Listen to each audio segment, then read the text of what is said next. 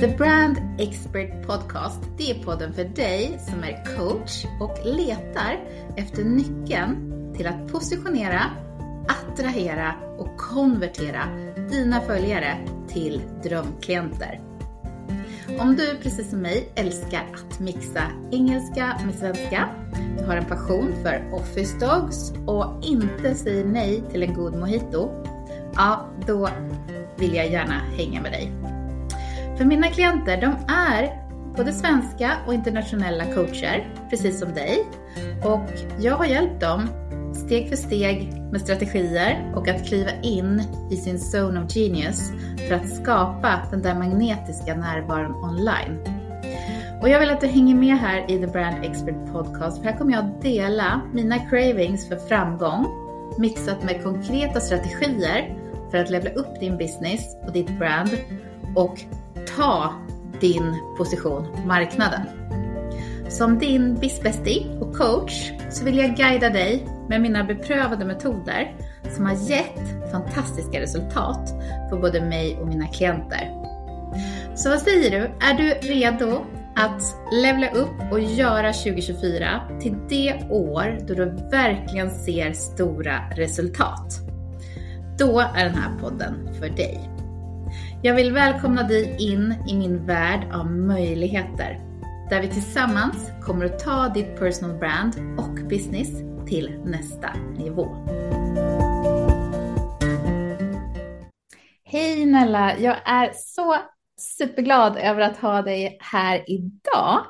Eh, och jag tänkte att ska vi börja prata lite om din företagsresa och om varför du startade ditt företag eh, typ vem du jobbar med och på vilket sätt du gör det på. Ja, så kul! Roligt att vara här också. Jag är så taggad. Eh, ja, första frågan var alltså varför jag startade företag.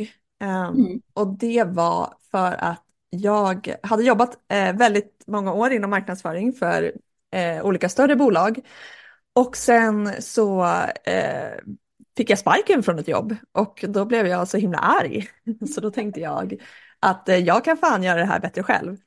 Ehm, så då var det precis det jag gjorde, så att jag började faktiskt med att eh, frilansa eh, på heltid inom marknadsföring. Så att inom tre månader var jag liksom fullbelagd och bara körde på och frilansade. Och sen hörde folk av sig och undrade hur tusan jag hade gjort det här och hur jag vågade köra eget på heltid på direkten, för det är kanske inte så man brukar göra, utan de flesta brukar ju typ ha kanske ett jobb och ha startat upp sin business vid sidan av. Eh, men jag tänkte ju att äh, men här har jag min chans att bara köra nu, så då gjorde jag det. um, och sen utvecklades det till att ja, som sagt, fler och fler hörde av sig och ville ha min hjälp och då tänkte jag, men jag har alltid varit intresserad av personlig utveckling. Ehm, så att jag passade på att utbilda mig till coach eh, och då gjorde jag det.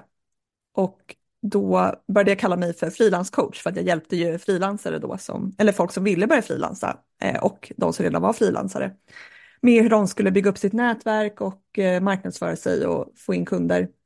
Och sen så, så insåg jag att det var fler och fler människor som hörde av sig från andra branscher och som var framförallt eh, online-entreprenörer som säljer tjänster, alltså coacher, virtuella assistenter, eh, designers, kommunikatörer, copywriters. Eh, och då eh, tänkte jag, men nu är det efter ett tag att nu är det dags att ta nästa steg. Jag kommer börja kalla mig för business coach och business mentor. Mm. Ehm, och från den vägen har det liksom rullat vidare så att jag hjälper mina kunder med, eh, med marknadsföring eh, helt enkelt, vilket innebär allt från liksom hur de ska pinpointa sin målgrupp i, i sin kommunikation eh, till hur de ska eh, skapa bra erbjudanden och tjänster som folk vill köpa och vilket också har lett mig in på då gruppcoaching eh, som jag tycker det är jättespännande eh, som jag vill hjälpa fler kunder med och sådana gruppprogram helt enkelt. Ja, alltså det är så kul tycker jag för att eh, vi har väldigt jag känner igen mig mycket i det du, det du säger, även om jag sa upp mig från mitt mm. jobb eh, och också gick liksom all in. Och, ja, men, det är många som du säger har ett jobb på sidan om och gör det lite så, kanske smart på många sätt, men att vi gick liksom all in och bara körde. Och det mm. känner jag är lite kul att vi kan relatera till och just det här att jag också nischade mig först som expat coach, att jag hjälpte mm. expat ut och in i, värld, i, i världen. Eh, och sen nischade om mig eh, till brand och business coach. Så, ja, men superkul och intressant att höra om, om hur du har gjort. Ja, det är så, jag tror att det också är naturligt att man utvecklas som entreprenör, alltså att man lär sig mer, man börjar hitta mer och mer vad, vad man själv är bra på, vad andra är i behov av och man utvecklas och får ju nya kunskaper också. Så jag tror typ att det är väldigt naturligt ändå, att man nischar om sig lite med tiden. Ja, alltså det hörde jag. Jag, lät, jag tror att det var, jag vet inte om det var masterclass eller om det var en podd i USA som jag eh, lyssnade på som var så grymt bra. Just det här med att många är så rädda för att nischa om sig eller nischa ner sig.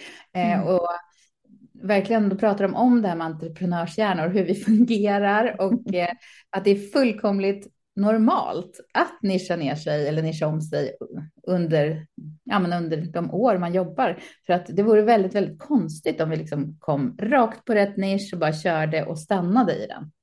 Ja, verkligen. Det skulle kanske vara oroväckande att man liksom har stannat av snarare.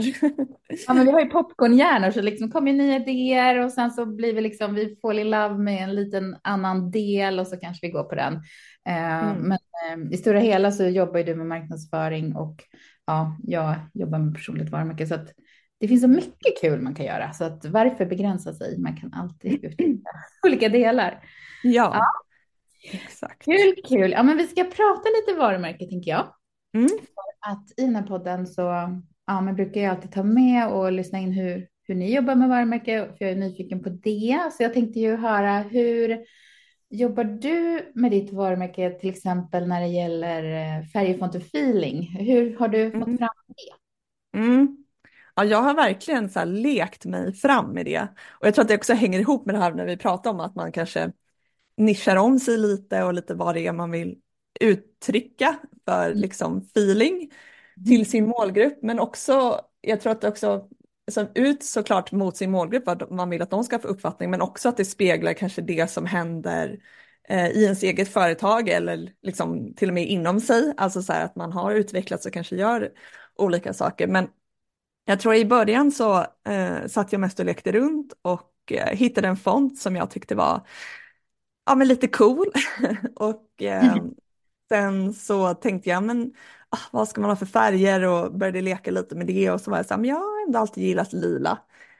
Um, så jag har kört liksom perioder där jag haft väldigt mycket lila, liksom, det har varit mycket lila i själva liksom, till exempel mina Instagram-bilder eller så. Mm. Um, och kanske ganska så blaffig font mm. ibland.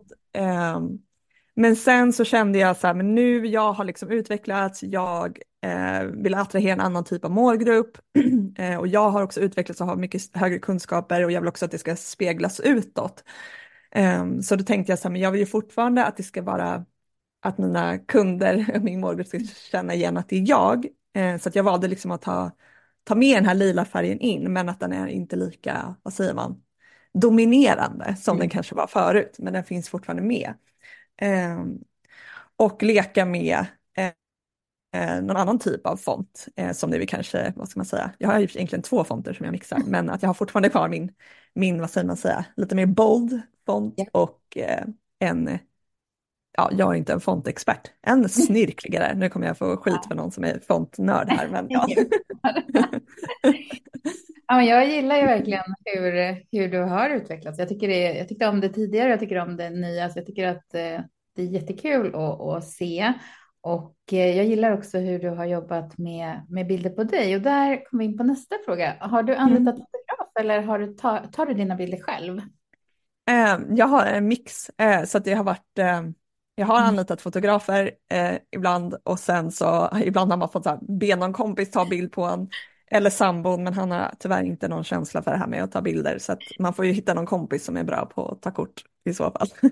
Ja. eller sätta upp ett stativ hemma själv, det har jag också gjort eh, någon gång. Eh, och det tycker jag liksom är superbra att man gör för att eh, om man bara bara har så här perfekta fotografbilder eh, och inte har någonting ja, men, mer, ja, men man tar något själv, man tar en selfie, man tar, låter någon annan ta en bild. Det blir en mm. härlig mix som mm. jag tycker funkar väldigt bra, för då blir det lite mer autentiskt när man känner varumärket. Ja, exakt. Jag tänker att man också får se kanske personen lite andra miljöer och sådär mm. också. Att det kan vara, kan vara lite spännande. Mm. Och nu har inte jag eh, inte ens eh, med den frågan. Tyckte det är lite kul här att eh, också tänka på det här med video, för det är ju mm. Någonting som jag typ varje år säger att det här kommer bara bli ännu mer. Det här är jätteviktigt. Mm. Just video på sig själv eller, eller video överhuvudtaget. Hur tänker du kring det? Jag tror att video är väldigt viktigt. Alltså dels för att alltså om man liksom ska tänka större så, så här, när TikTok kom så fick ju typ Instagram panik känns det som och bara så här okej okay, vi måste också satsa mer på video och så där men jag tror att det är viktigt för ens varumärke också för att folk ska få en känsla av vem man är och hur man är och till exempel i mitt fall som också jobbar mot andra människor så är det nog viktigt att de får en bild av hur är jag, vad får de för känsla, vad får de för vibe, hur pratar jag? Um, men det behöver inte bara vara liksom videos på kanske när man själv pratar, men det kan ju också vara ja, att man har klippt ihop videosnuttar och mm. vill förmedla något budskap med det och sådär. Så det går ju att mm. göra ganska mycket kreativa saker tänker jag. Jag tänker att det är roligt, eh, men det är också tidskrävande.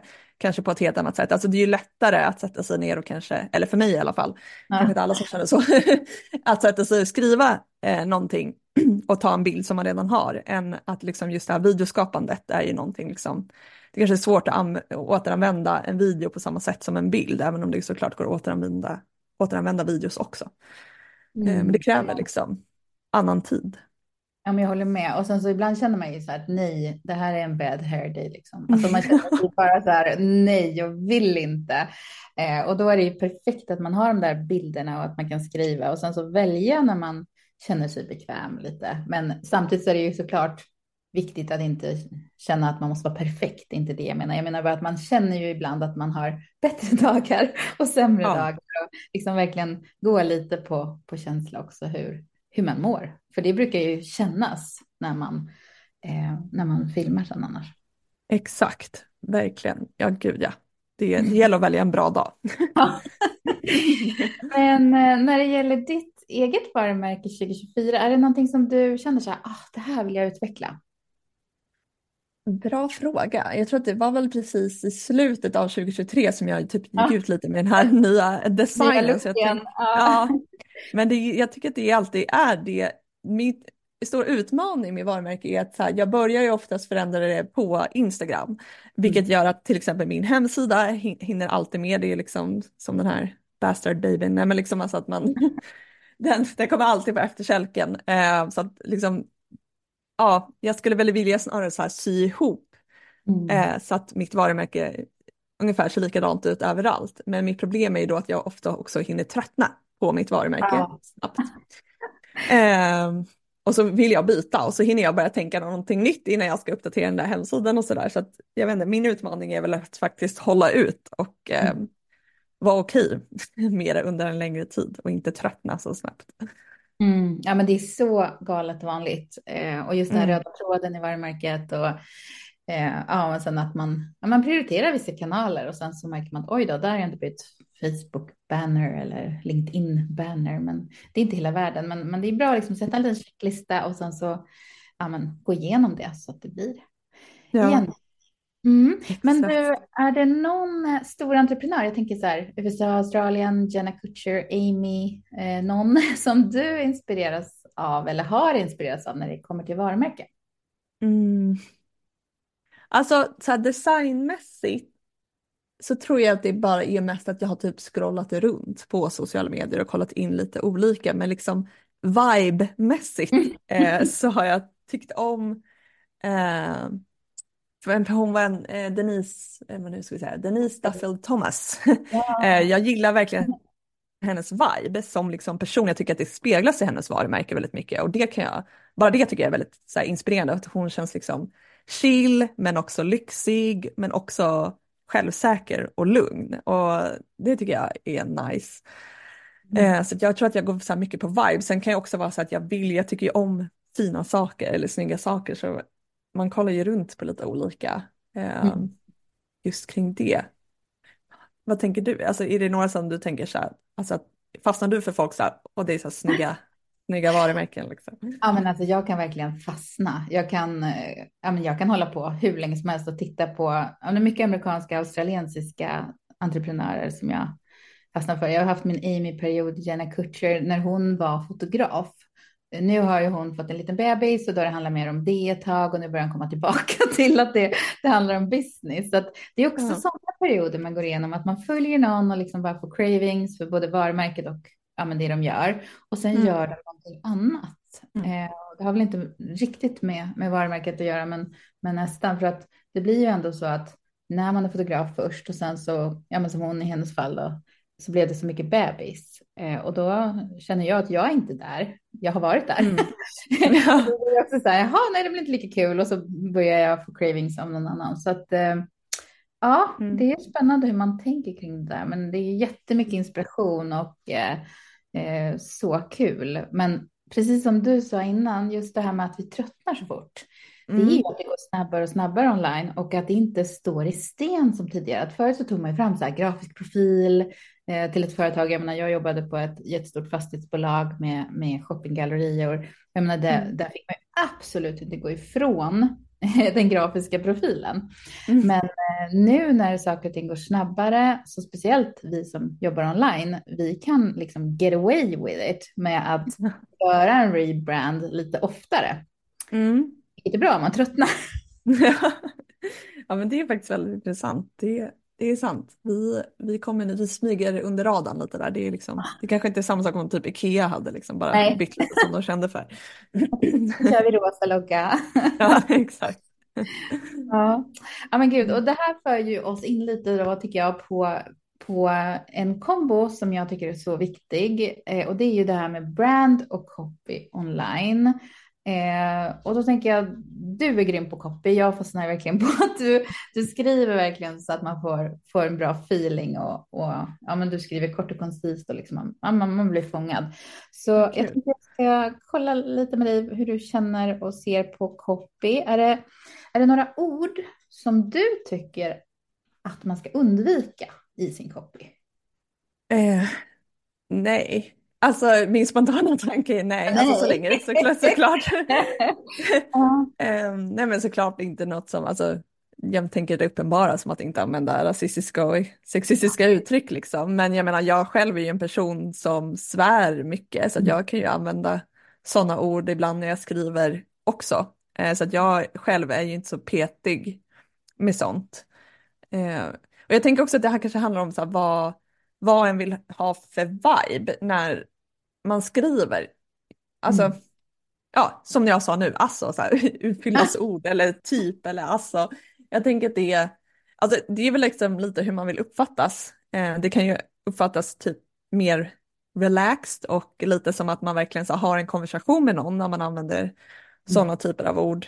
Eh, så det är väl liksom lite vad är det för, för story man vill berätta när man pratar. Men jag tror så här, alltså, det är ganska intressant också i den här onlinevärlden som vi är i för att jag tror att det är många av oss som följer eh, här, internationella entreprenörer och det är ju liksom oftast på engelska och jag har liksom märkt, alltså både med mig själv att jag använder ju väldigt mycket, jag blandar mycket svenska och engelska och en del mm. har ju väldigt svårt för det här och andra inte.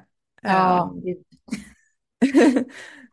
um, och liksom, men jag tror att så här, kanske i den onlinebubblan jag tror i alla fall att du och jag är i så känns det som att det är mer okej. Okay. Eh, men det beror väl lite på vad man har för tjänster och vilken målgrupp och så man har, att man kan fundera på eh, om man ska blanda svenska och engelska eller inte.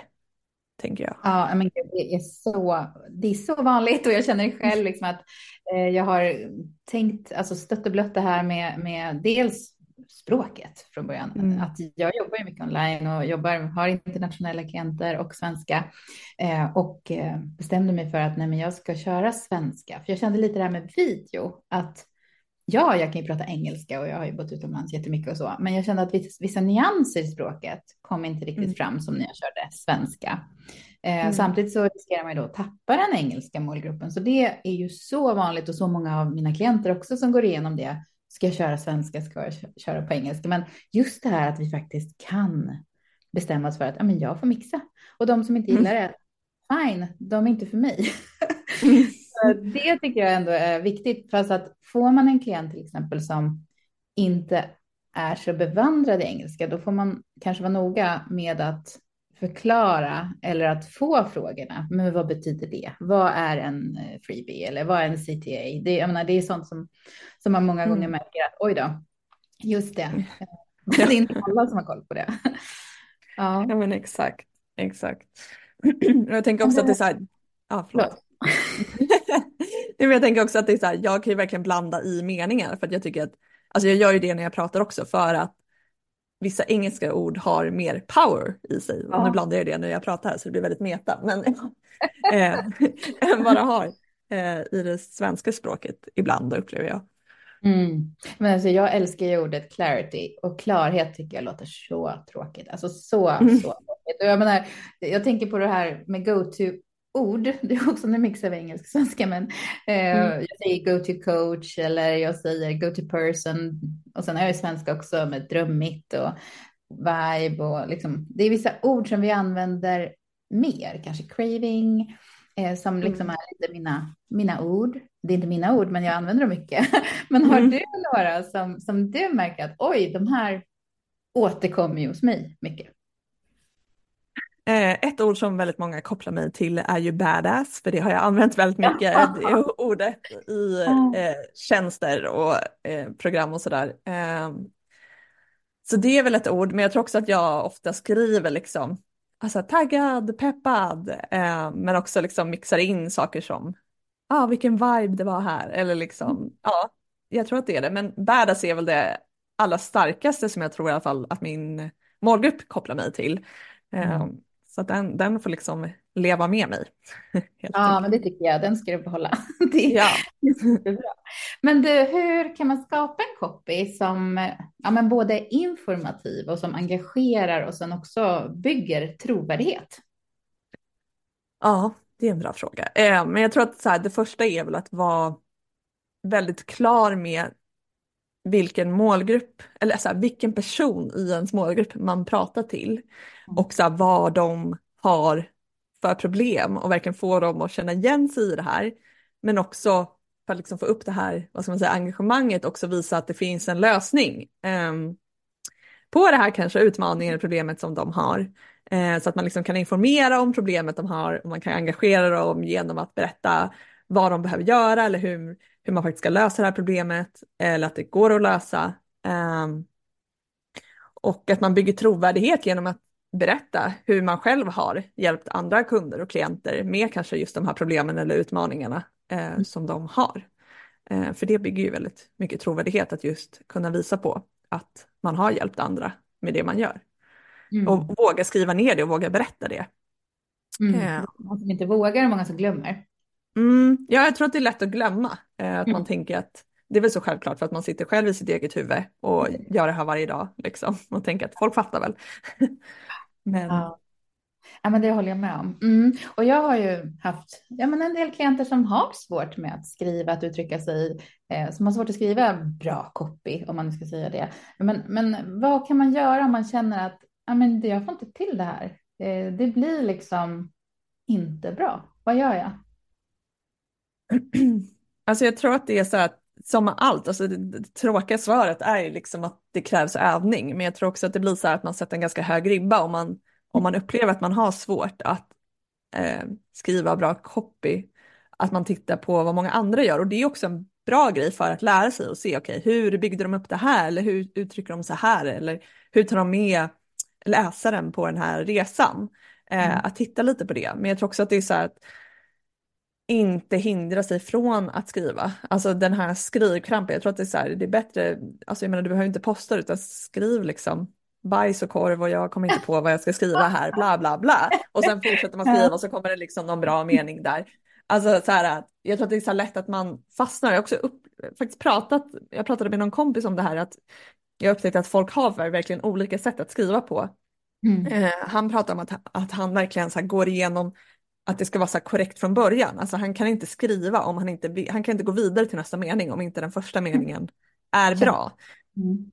Medan jag är helt tvärtom. Jag bara eh, skriver allting jag vill säga och sen så går jag igenom och strukturerar om och tänker, ja, Då, mm. För då har man liksom fått ur sig det. Så jag tänker att det är det, så här, våga släppa ut det du tänker, även om allt kanske inte hör ihop i ditt första utkast. Eh, mm. Så bara så här, spy ut allting. Eh, och sen ja. fortsätta liksom. Ja. jag är likadant, jag skriver och sen så går jag tillbaka. Men det, det är som sagt, alla har ju olika hang-ups när det gäller, gäller texter och, och sådär. Och tidigare var det mycket bloggar. Jag har ju bloggat så galet mycket förut och nu finns det ju nästan inga bloggar kvar. Eller läser du någon blogg? Alltså jag läser typ inga bloggar längre. Jag läste Sandra Biers blogg väldigt länge, ja, jag tyckte om ja. den. Men eh, jag har tappat det faktiskt. Ja. Är det poddar istället? Nu måste jag bara vara nyfiken. Äh, poddperson heller? Ja, jo, men jag lyssnar på en hel del poddar. Eh, men det är oftast är det att jag typ kollar upp olika poddavsnitt. Eh, mm. Kanske så om det är något ämne jag vill mm. veta mer om. Ibland så kan jag fastna på vissa personer men sen så går jag vidare och säger men nu vill jag höra någon annans persons vinkel på det här eller liksom så. Det är som ja. att jag plockar lite plock, olika plockgodisar. Mm. Och om vi liksom sammanfattar det hela med, har, har du tre copytips att dela? Tre copytips att dela. Um, ja, men, var tydlig med eh, vem du skriver till och verkligen sätta sig in i hur de här människorna tänker och känner. Eh, och vad det är de längtar efter. Eh, och utgå från det. Och att eh, bara våga spy ut din kompis. Det alltså, känner jag. ja. Eh, spy ut det och så kan man alltid städa upp sin text eh, efteråt. Det vill säga man behöver inte trycka på liksom post direkt utan man kan bara skriva ner allting och sen så kan man gå igenom sen och städa upp. Liksom. Mm. Ja men jättebra. Mm. Och eh, någonting som du verkligen har fokuserat nu på senaste tiden är ju onlinekurser. Eller gruppcoaching, eller hur? Nu är det ja. Ja, exakt. För du jobbar ju inte bara med marknadsföring, utan du har ju verkligen gått in för att skapa och utveckla gruppcoachingprogram, att hjälpa andra att göra det. Så jag tänkte vi ska prata lite om det. Ja, absolut. Yes. Eh, men hur kan man då, om man känner för att man, jag vill skapa ett, ett gruppcoachingprogram, men hur skapar jag ett som både är effektivt och engagerande? Ja, och det här är en så stor fråga. Ja, det är en stor fråga då. ja, men eh, jag tänker att man dels får eh, fundera på vad det är, vad är liksom ämnet. Jag tror att typ så här, så här, så här, misstaget många gör är att man vill ju trycka in så mycket som i, och nu råkar jag stöta till min mick här, hoppas det inte blir konstigt. Eh, men eh, man brukar försöka, ofta vill man trycka in så himla mycket i ett och samma program eh, för att man blir så här men det är jätteviktigt att de har koll på det här, det är jätteviktigt att de har koll på det här. Eh, men att det kanske inte är det för att det är lätt att, liksom, att man överväldigar människor med information. Eh, så att för att få det effektivt och engagerande så tror jag att det handlar om att våga skala bort mer och snarare kanske fördjupa sig inom vissa ämnen. Alltså beroende på hur det här gruppcoachingprogrammet är upplagt, om det är under en längre tid eller om det är under en kortare tid. Eh, och liksom vad målet egentligen är. Mm. Eh, jag tror att det är också många missar är att eh, Alltså om det är ett gruppcoachingprogram där det kanske handlar om, jag vet inte, högkänslighet och där man kanske pratar mycket om känslor eh, och sådär. Eller om det skulle vara ett gruppcoachingprogram där vi pratar om marknadsföring så tror jag att många går in med inställningen och tänker att men den som är, eh, är högkänslig och ska prata om högkänslighet, de kommer ha behöva tänka mycket mer på det här med känslor eh, och att de som jobbar med marknadsföring inte behöver göra det. Och jag skulle säga att det är en väldigt så här vanlig missuppfattning för att eh, när kunderna kommer in i ett gruppcoachingprogram så går de också igenom en känsloresa. Det vill säga så här, om man själv har typ köpt en kurs eller ett gruppcoachingprogram så är man ju oftast extremt taggad i början. Eller om man anlitar en ny mentor eller coach, alltså det här går igen sig i flera saker. Mm. Um, man är väldigt extrem, alltså väldigt taggad i början och man har jättemycket hopp och sen så sätter man på sig glasögonen och är så här, nu ska jag lära mig och så börjar man liksom dyka in i alla liksom lärdomar och kunskaper som man vill ta till sig.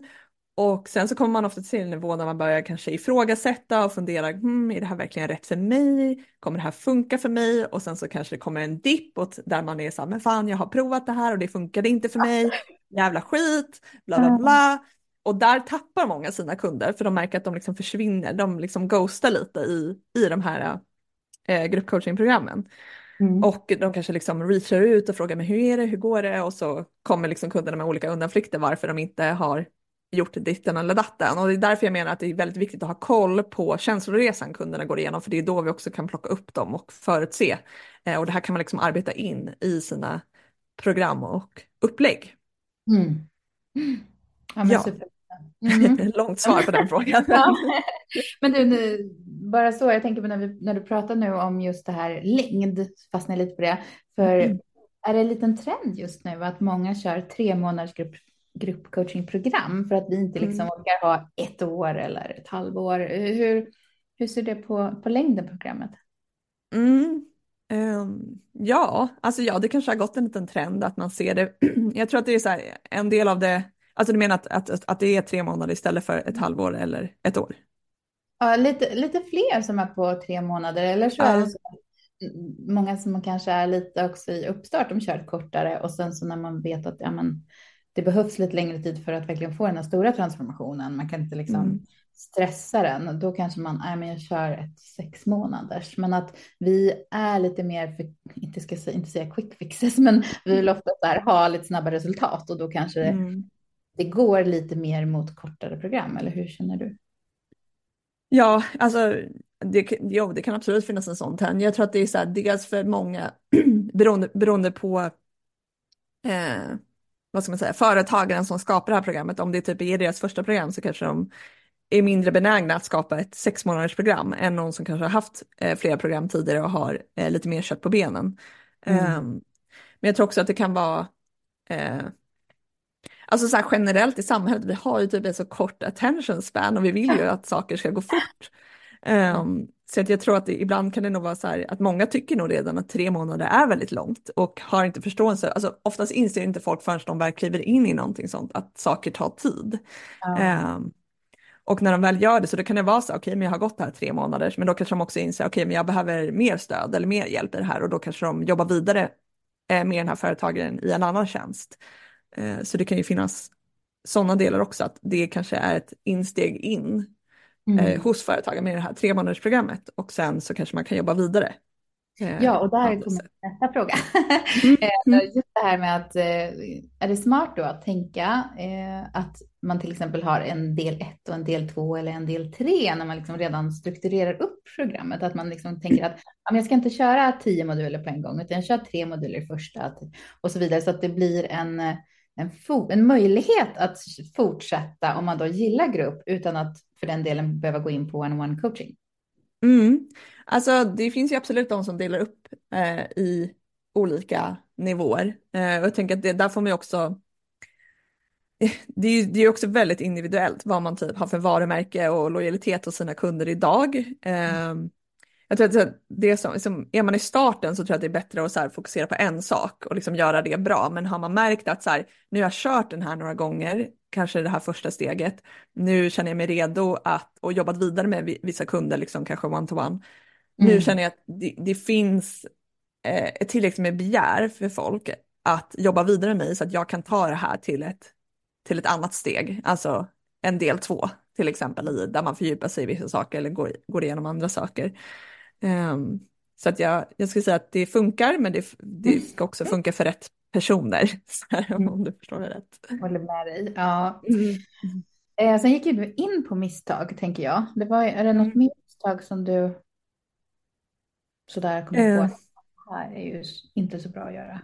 Ja, men det är väl just eh, att folk missar känsloresan och att man överväldigar kunder med information. Eh, att man inte har en bra onboardingprocess Mm. Eh, och att man faktiskt inte vet hur man faciliterar eh, grupper och gruppcoaching. För att det finns ju väldigt olika lager och nivåer som man kan göra det på. Eh, och det är också såklart upp till eh, personen i fråga som håller i det, hur villiga de är att gå in i, i vissa lager. Men vågar man ha kunskapen att gå djupare så kommer man också se att ens kunder kommer få eh, bättre resultat för att det ökar också engagemanget när gruppen känner sig trygg med varandra eh, mm. och känner att det finns en communitykänsla eh, som jag tycker är väldigt viktig. Mm, ja, men det är guld. Ja. Mm. Eh, och hur kan man då hitta rätt målgrupp för gruppcoachingprogram? För att, jag kanske ska ta ett exempel. Att mm. det kan vara väldigt svårt att, eh, ja, men, låt säga att ja, man ska köra en membership och sen så får man in då några som är nybörjare, några som kommer lite längre och så några som verkligen vill levla upp.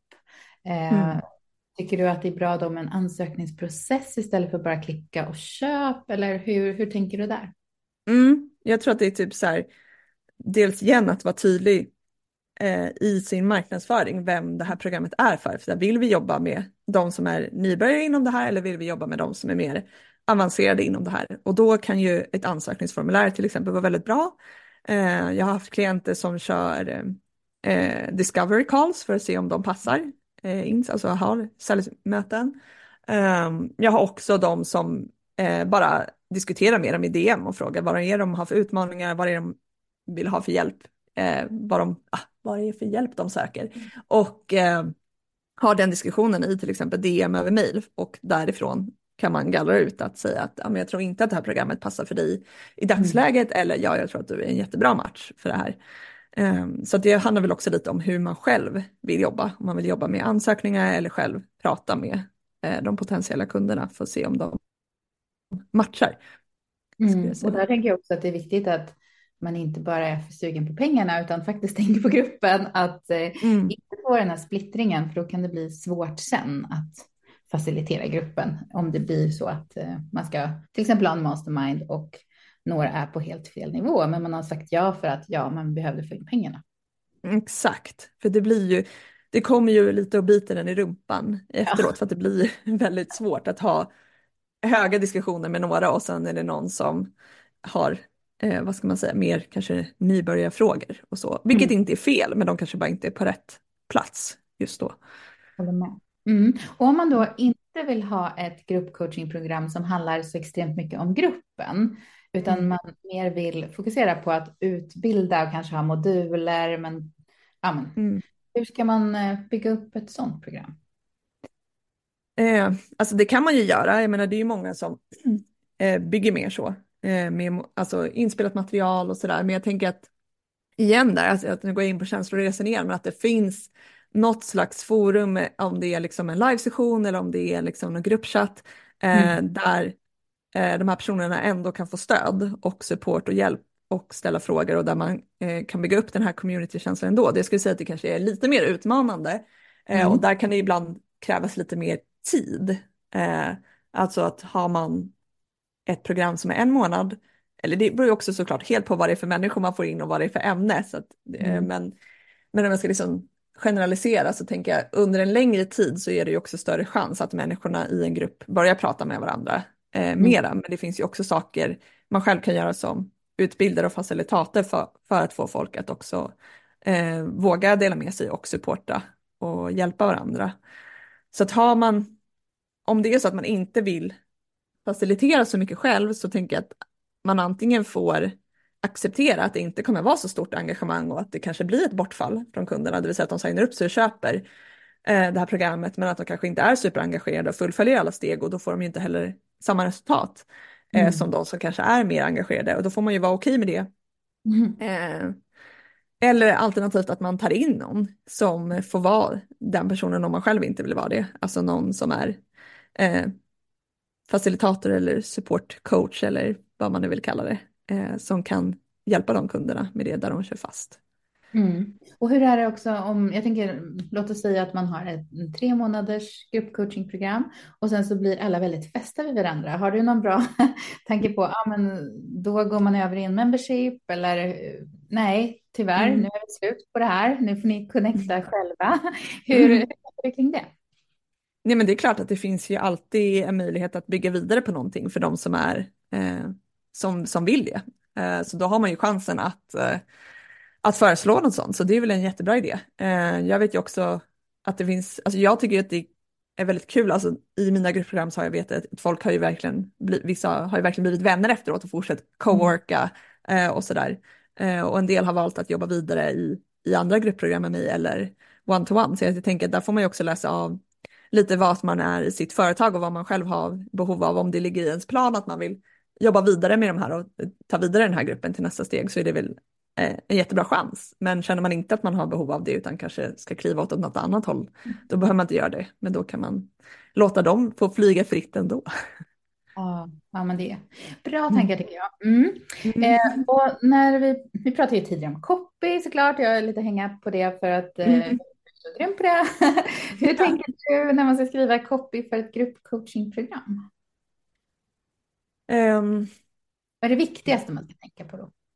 ja, kommer jag tillbaka här till målgruppen, jag menar verkligen veta vilka personer man vill ha in eh, mm. i det här och våga vara tydlig. För jag tror att det är lätt att man blir just för att många blir stressade, så här, men nu är det inte liksom en one-to-one jag säljer, utan nu är det ett gruppprogram och så här, tänk om det inte blir en grupp liksom och så vill, börjar man bredda sig för att man tänker att då kanske jag får in lite fler.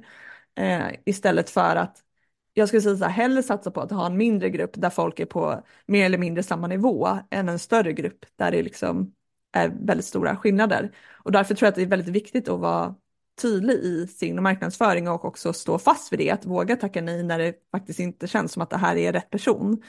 Eh, och då behöver man vara väldigt tydlig i sin marknadsföring, vem, vem programmet passar för, eh, men också lyfta vad det finns för fördelar i ett just eh, gruppprogram. Eh, till skillnad från, jag skulle säga att det är helt olika upplevelser att jobba one-to-one mm. Eh, med en mentor eller utbildare coach eh, versus i ett gruppprogram. Eh, det finns jättemånga fördelar att jobba enskilt men det finns också väldigt många fördelar med att jobba i, i gruppprogram för att man får ju helt andra insikter och man får se, eh, se andra personer som är i samma situation som man själv, kanske har samma utmaningar eller drömmer om samma saker. Eh, och det blir också en enorm drivkraft i det communityt bara. Så jag tänker mm. att våga liksom pusha på varför det här är bra, men också såklart det, det essentiella, det vill säga vad är det de faktiskt kommer lära sig och vad är det som kommer hända under den här tiden och vad kommer de vara när de är klara med det här programmet, vad kommer ha hänt liksom och vad, vilka problem kommer vi ha löst. Så att egentligen skulle jag inte säga att det är så stor skillnad förutom att det är formatet i just mm. marknadsföringen alltså. Ehm, mm. Men du, det blir ju så, nu kommer jag på en till sak jag vill mm. fråga.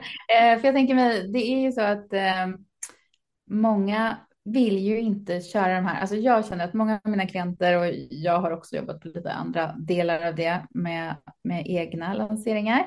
Just det här att hela tiden vara i lanseringsmode, att ja, men nu lanserar jag den här onlinekursen eller gruppcoachingprogrammet och mm. man måste starta ett visst datum och så är det tre månader till exempel.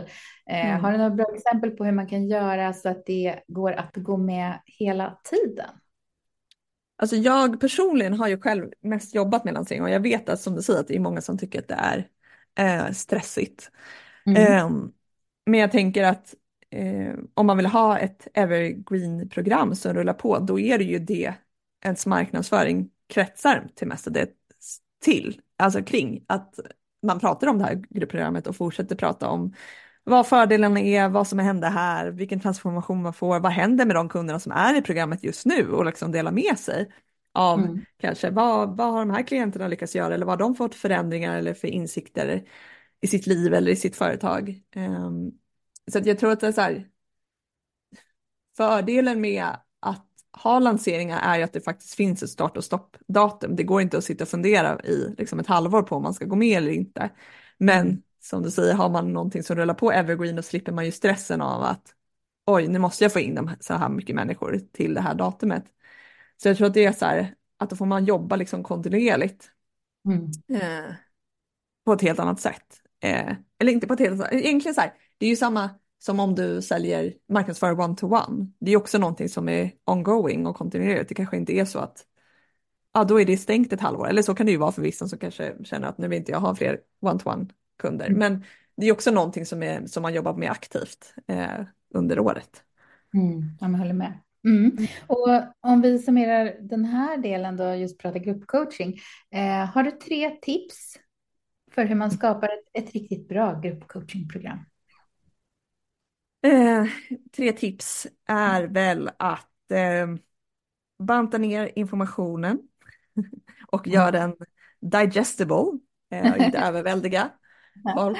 Eh, och se till att få in lite mer kreativ pedagogik så att eh, deltagarna blir mer engagerade och faktiskt förstår och tar till sig. Eh, och också fundera över den här känsloresan som folk också är med på i program och utbildningar. Mm. Mm, så bra. Mm. Ja. och eh, i din bransch då? Ser du mm. några trender som du vill dela med oss? Några trender i min bransch? Um, bra fråga. Jag tycker att det går så snabbt. Alltså ja. det går väldigt fort. Så det är svårt att hänga med allting. Och jag tror att det är just det. Att jag tror att många är väldigt hungriga i att hänga med i trender. I ett tag skulle alla ha voxer till exempel. eh, eller nu ska man starta ett program till exempel om någonting. Eller oj, nu är det den här. Alltså jag tänker varumärkesmässigt också. Nu är det det här som är inne. Nu ska det se ut på det här sättet. Eller mm. de här färgerna. Eller jag vill liksom förmedla den här grejen. Eh, jag tror att det går. Jag tror att trenderna går så himla snabbt. Mm. Det är i alla fall min upplevelse. Hur känner du?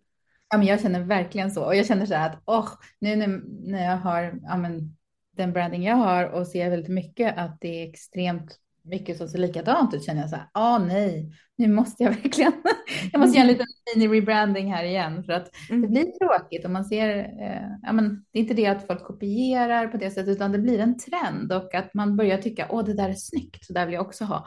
Och sen blir alla väldigt lika och då, då står man inte ut och då blir man inte unik och då mm. kanske man tittar på hur kan jag göra det här lite annorlunda, inte tappa tappa mig i det hela, men eh, hitta något sätt att ändra lite på så att man står ut i bruset. Ja, mm. exakt. Men sen så, precis, det är ju, alltså varumärket är ju så stor del av det, men det är också så här, jag tror det är lättare så här, att man liksom drunknar i det här att man, mm, det finns ju så många sätt att sticka ut på, men det, det mm. blir ju liksom också såklart lite svårare eftersom att den här branschen växer ju också. Ja så enormt nu tycker jag de senaste åren. Så att det gäller att vara, vara lite smart och våga testa nya grejer. Tror jag. Ja. Ja, jo, testa och sen liksom fokusera så att man inte är på tio kanaler då och gör, mm. ja, men eh, vi lär oss ju så mycket av våra misstag. Jag brukar inte säga att det är misstag, det är ju lärdomar såklart. Mm. Men har du någonting som du känner att ah, det här gick ju inte jättebra, men det blev en lärdom eh, mm. någonting bra. Eh, har du något exempel på det? Ja, hur mycket som helst. eh, nej men liksom, jag menar, jag är ju en klassisk så här, messy action taker. Att jag är så här, jag kommer på en idé och så bara kör jag. Eh, och sen så tänker jag det blir bra och det har ju funkat till en viss nivå. Eh, och nu har jag väl kommit till den nivån där jag inser så här, jag måste verkligen ta in min eh, expertis och kunskap och strategi som jag har hjälpt stora bolag med in i mitt eget företag och faktiskt tänka mer långsiktigt eh, inom vissa saker. Um, men oj, är du kvar här? Jag mina ja. airpods rätt nu. Mm. Ja.